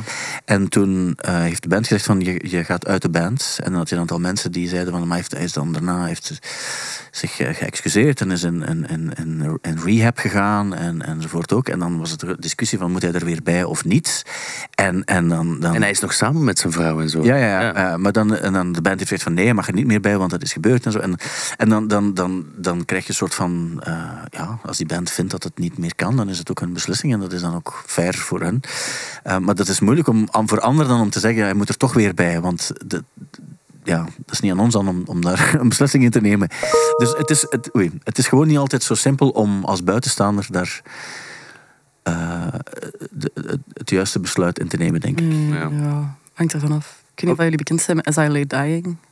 Maar, ja, maar ik denk ook, als, als, het, als het gaat over bepaalde dingen die strafrechtelijk ook vervolgd, Ja. vervolgd worden, Ja. dan, dan heb je een, een ander verhaal natuurlijk. Ja. En dat was ook in dit geval, maar daar was het nog wel heftige Ja, feiten. die man heeft eh, zo echt een hitman ehm, om zijn vrouw te vermoorden ingehuurd. Eh, ja. Maar goed, dan... Nu zit hij terug bij de band. ah, is dat zo? Hij zit terug in de band. Na een celstraf van vijf jaar of zo zit hij gewoon terug in de band. En iedereen doet alsof er niks is gebeurd. Oh yeah, he's such a good vocalist. En ik van, he hired a hitman to kill his wife. Ja. Oké, laten we dat even passeren. Oké, maar dat is ook... Ja, oké. Ja. Een, een bepaalde scene. Maar dat is misschien in heel, eh, echt super in Ja, extremis. zo meer, meer een niche dan... dan eh. Ja. Maar oké. moeilijke onderwerpen hier in Ja, het is waar eigenlijk. Sorry. Ik- eh, Zal ik iets luchtig zoeken? Ja, Ja. alsjeblieft. Oké, we gaan even met iets luchtig. Welkom Want, eh, afspraak. Ja, maar niet zwaar. Het gaat, ook, het gaat wel over muziek, dus we moeten, we moeten het ook niet negeren zomaar. Hè. Dus wat heb ik, hier nog, wat heb ik hier nog staan? Dus ik heb hier nog staan... Ja, over Roger Waters ga ik zelfs niet beginnen nu. Ah, nee. Ehm, ja, het, eh, Taylor. Swift hebben we wel gehad. Ik heb ook gezien, dus dat is eh, Beyoncé. Haar film komt ook... Ah, er komt ook nog een film trouwens van... ehm, er komt een film uit van Pete Doherty, heb ik ook nog gezien, in Hey. november. Ah, Eh, ze hebben hem tien, tien jaar gevolgd. En daar wordt ook een film eh dat moet over gemaakt. zijn, denk ik.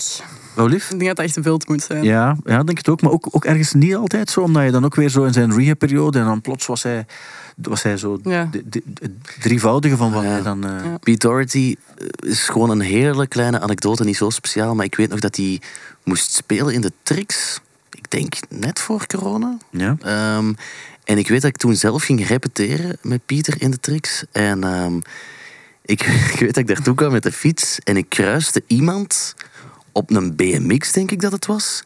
Met twee supergrote honden in een Marcelleke. En ik dacht, wow, wat een marginaal. En toen zet ik mijn fiets weg, hebben we gerepeteerd. En toen zijn we achteraf nog vijf minuten kunnen gaan kijken naar de show die bezig was. Super goede show ook, als ik me goed herinner. En toen dacht ik, ah wow, die marginaal op de fiets met zijn twee honden en de BMX was Pete Doherty. Ja. En dat vond ik dan zo cool, dat hij gewoon net voor de show, ja, he couldn't care less of zo. Die was gewoon zo wat tussen het volk dat aan het toestromen was, met zijn BMX aan het rondrijden met zijn twee honden. Echt een figuur. Wow, ja. ja, was graaf om te zien, achteraf bekeken dan. Ja. En het is effectief zo'n marginaal die dan domme dingen heeft gedaan, maar ergens ook een extreem intelligente kerel. Ja, ik, allee, ik zeg nu marginaal, maar Nee, nee, maar ik snap wat je wil zeggen. Ja, ja, dat is zo niet bedoeld, hè, maar Ja, maar snapt ergens wel wat ik bedoel als het over Pete Doherty gaat. zeker. En ik denk, hij, hij gedraagt zich vaak op een manier die wij associëren met marginaliteit. Maar ik denk was er dat- wel eens wel een, slimme, een heel slimme gast. Ja, die- Ja, ja, ik denk ook wel dat hij dat bewust opzocht om dan daar zo te gaan fietsen. Denk ik wel. Ja. Oké, iets vrolijker dan. Eh, volgende week komen er drie grote artiesten uit de muziekgeschiedenis naar ons land. Stel je voor, je, je krijgt een ticket voor één van de drie concerten. Voor wat zou je kiezen? En de mogelijkheden zijn Diana Ross, Patti Smith of Madonna. Oh, fuck. Ja, Patty hè. Ja, ik- Ja? dat Ik zou ook wel- Patti Smith doen, denk ik. is wel een leuke meid. Patty Smith. Ja? Ja, Denk ik. Ik, ehm, ik heb onlangs een boek gelezen. Just Kids. Ehm, ik vind de muziek heel goed. Het boek wat minder. ja, ik probeer eigenlijk een beetje stom dat ik het aan... Ehm, Nee, nee, het is ik, vond het, ik absoluut... vond het een heel mooi boek, maar het was Ja. wat minder mijn ding. Het is gewoon, ze beschrijft zo heel mooi hoe dat New York was zo in de 70s. En ik heb er echt heel veel van opgestoken en ik vond het heel mooi. Maar Zij komt uit de CBGB-scene ook. eh. ja, ik heb in mijn voorstelling er ook iets over gedaan. Zij heeft eigenlijk eh, Blondie gedist omdat ze het niet oké vond dat er nog een andere vrouw in CBGB's actief zou zijn. echt? En dat heb ik nooit helemaal begrepen van haar. Wow. Oei, want Ja. ben is heel tegenstrijdig. Met Amai, Patty, dat is wel echt wild. Er is een eh, zeer goede documentaire over Blondie waarbij zeiden, maar we waren super grote fans van Patti Smith. Zij was de, de koningin van. CBGB's op dat ogenblik. En toen kwamen wij en toen, toen heeft zij ervoor gezorgd dat we niet meer in CBGB's mochten spelen. We zijn dan maar ergens anders naartoe gegaan. Allee. Cool. Oké, minder toffe meid. Ja, nee, wat, ja, dat is ook, dat is ook eh, ehm, ja, een andere tijd. Nu Ook wel snappen echt dat een niet. zwaar leven gehad. Hè? Allee, als je die Ja. een boek mocht geloven, zwaar leven. Ja. Ik, ik, ik geloof ook eh, het boek ook wel. Ja, allee, ik denk niet dat alles er 100% van waar is. Maar ik vond het wel zo heel straf om te zien hoe dat muzikant toen zijn toch nog wel something different was. Allee, wij zijn hier soms aan het klagen van "Hé, we verdienen weinig centjes. Maar wij, wij hebben wel zo'n plek om te slapen of zo. Maar ik denk ook zeker in die periode, ook de, de plek waar eh, zo eh, lower, Ja. de Lower East Side, Ja. hè, waar die actief waren, daar ehm, dat zit trouwens ook in diezelfde Blondie doc- documentaire. Dus toen ze ergens anders moesten gaan, eh, gaan spelen, die Max Kansas, wat, wat een Ja. andere club was daar, dan, dan hebben ze gewoon ongeveer met, met, met Blondie dan een heel gebouw afgehuurd, omdat het kostte niets. Dat was zo vervallen als iets. Er is een heel goede documentaire over die buurt, ook zelfs in de jaren tachtig. Ik denk zelf dat Marcel van Tilter nog iets mee te maken heeft, waarbij die op zoek gaat naar zo Grandmaster Flash en dat soort eh, figuren, dan in, in, in niet alleen in Manhattan, maar ook in Queens en, en de Bronx en zo. En dan, dat kost daar niet, dat is verschrikkelijk daar, dat is vuil, dat is daar, dat is daar ehm, Iggy Pop die daar rondloopt ook en, en die, die, die, die daar eigenlijk ook gewoon, ja, die, dat is, je komt daar bijna gratis, bijna gratis Ja. eh, wonen. Terwijl nu is het onbetaalbaar, waar, Ja. waar dat je ook bent in, in de hele omgeving van New York is het eigenlijk onbetaalbaar. Ja, ik ben een boek beginnen lezen toen ik in New York was. Want ik dacht even Ah, ja. sfeer opsnuiven, maar dat was niet zo accuraat meer. Maar als je die, eh, die an, de docu, en er bestaat een boek van ook, die Meet Me in the Bedroom, denk ik dat je heet. En het gaat eigenlijk over de, de scene van, van na 2000, zo bij de. Strokes en zo. De, die, die New York scene dan, eh, dat is eigenlijk ook een heel interessant boek, die ook over, over dan een andere periode gaat. Maar de jaren 70 in New York, dat was ook wel iets. Ik denk alleen dat het soms romantischer is om erover te lezen, dan om er toen ingezeten te hebben. Zo ja, zo, hele- gekwelde geest. Uh, muzikanten hebben het toch zo moeilijk. Maar ik denk niet dat als je daar effectief zo zou zitten op dat moment, dat dat heel romantisch zou zijn. Ik denk ook heel, heel die, eh, die, die scene daar, we zijn er ook nog geweest, zo de, de, en nu is het wel iets helemaal anders. CBGB's. Maar de CBGB's, zoals je dan zelfs nu heb je dan zo'n fancy klerenwinkel, maar als je die muren zag en blijkbaar stonk de hele CBGB's ook. Hè. Dat is wat je niet ziet op foto's, dat ziet er heel cool uit, maar de stank van de wc's die aan het overlopen waren Ja. ook, en zo, dat is hetgeen wat je niet ziet op de foto's en wat niet verteld wordt als je bij de Ramones ziet spelen. We hebben toch zo eens een film gezien toen, waarin dat Alan Rickman de eigenaar of de oprichter van de CBGB's speelt. Wow. En dat was echt zo... ehm, ja, daar gaat goede sfeer mee. Wacht, ik wil, nu wil ik het weten, want ik zeg Alan Rickman, ik denk toch dat het Alan Dat Rickman zou was. heel graaf zijn. Eh, CBG. Hallo, welkom to the CVJV. Ja, CBGB heet de film. Ja, wel, Oké. dat zo weten denk ik, ja.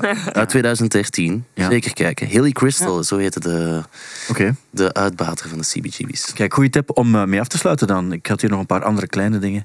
Zoals bijvoorbeeld het feit dat er eh, een nieuw festival komt, eh, Sick New World, met enkel van die new metal bands. En dat is iets in Las Vegas en daar gaan, daar gaan wel wat mensen naartoe gaan, denk ik. Zie Slipknot, System of Down, Perfect Circle, Alice in Chains. Dan gaat het veel verder, maar dan worden de lettertjes kleiner en kan ik het niet meer lezen.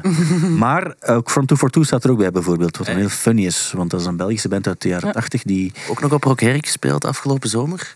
Ja, Eh, was- Bizar, hè? Bizar. bizar, maar wel de moeite Ja. of zo. ook, Ja, het is hè? cool dat ze erbij staan ook wel weer. Ja, Eh, zeker. Ja, dat is ook absoluut. Oké, goed. Eh, daarmee zijn we aan de podcast van deze week. Ik denk dat we een beetje over tijd zijn, maar dat is omdat het zo interessant en plezant was. Dankjewel om hier te Dankjewel. zijn. Ook eh, Amber en Marie van Kids for Buns. Jullie album is nu uit. Ik geef nog even heel kort mee, dus dat je op 7 december naar de AB kan. Op 18 december kan je ook naar de podcast eh, live. Podcast van het jaar is dat, met onder andere Thibaut Christianse, Otto Jan Ham, Kissel Lemaire als ze komt, als ze op tijd is. en ook ehm Leonard Korevits. En dan ook veel muziek en bands. En jullie zijn ook welkom om te komen natuurlijk. Ah, jawel. aan het opschrijven. Je kunt bijvoorbeeld Glyn zei vorige keer van, ik ga afkomen. En hij stuurde achteraf van, ik ga echt afkomen. Oké, Ah, ja. Wij zullen afkomen. Oké, voilà. Dan, eh, ik, ik, ik onthouden en ik ga jullie erbij zetten in het lijstje dat jullie ook afkomen. Ja, dat is goed. Opgelet dan. Gaan want- ze namen dan ook afroepen? ja, ik besef... Ah, wacht nog even. Nog- Het laatste wat ik ga doen is... Ik had ook... Ah, amai, ik denk er nu pas aan. Want ik wil net zeggen, als we iets zeggen in de podcast, moeten we het ook doen. En ik had tegen Glins gezegd van, ik ga de t-shirt aan. Hey. Nice. Ben ik dat vergeten om dat te doen, omdat het hier niet zo warm was. Dus ik heb het t-shirt aangedaan, omdat het zo afgesproken was. Want in de podcast wordt niet gelogen. Nogmaals, dankjewel aan Kids with Buns. Dankjewel aan Thibaut Christiaanse ook. Dit was de podcast van de week. Heel graag tot volgende week.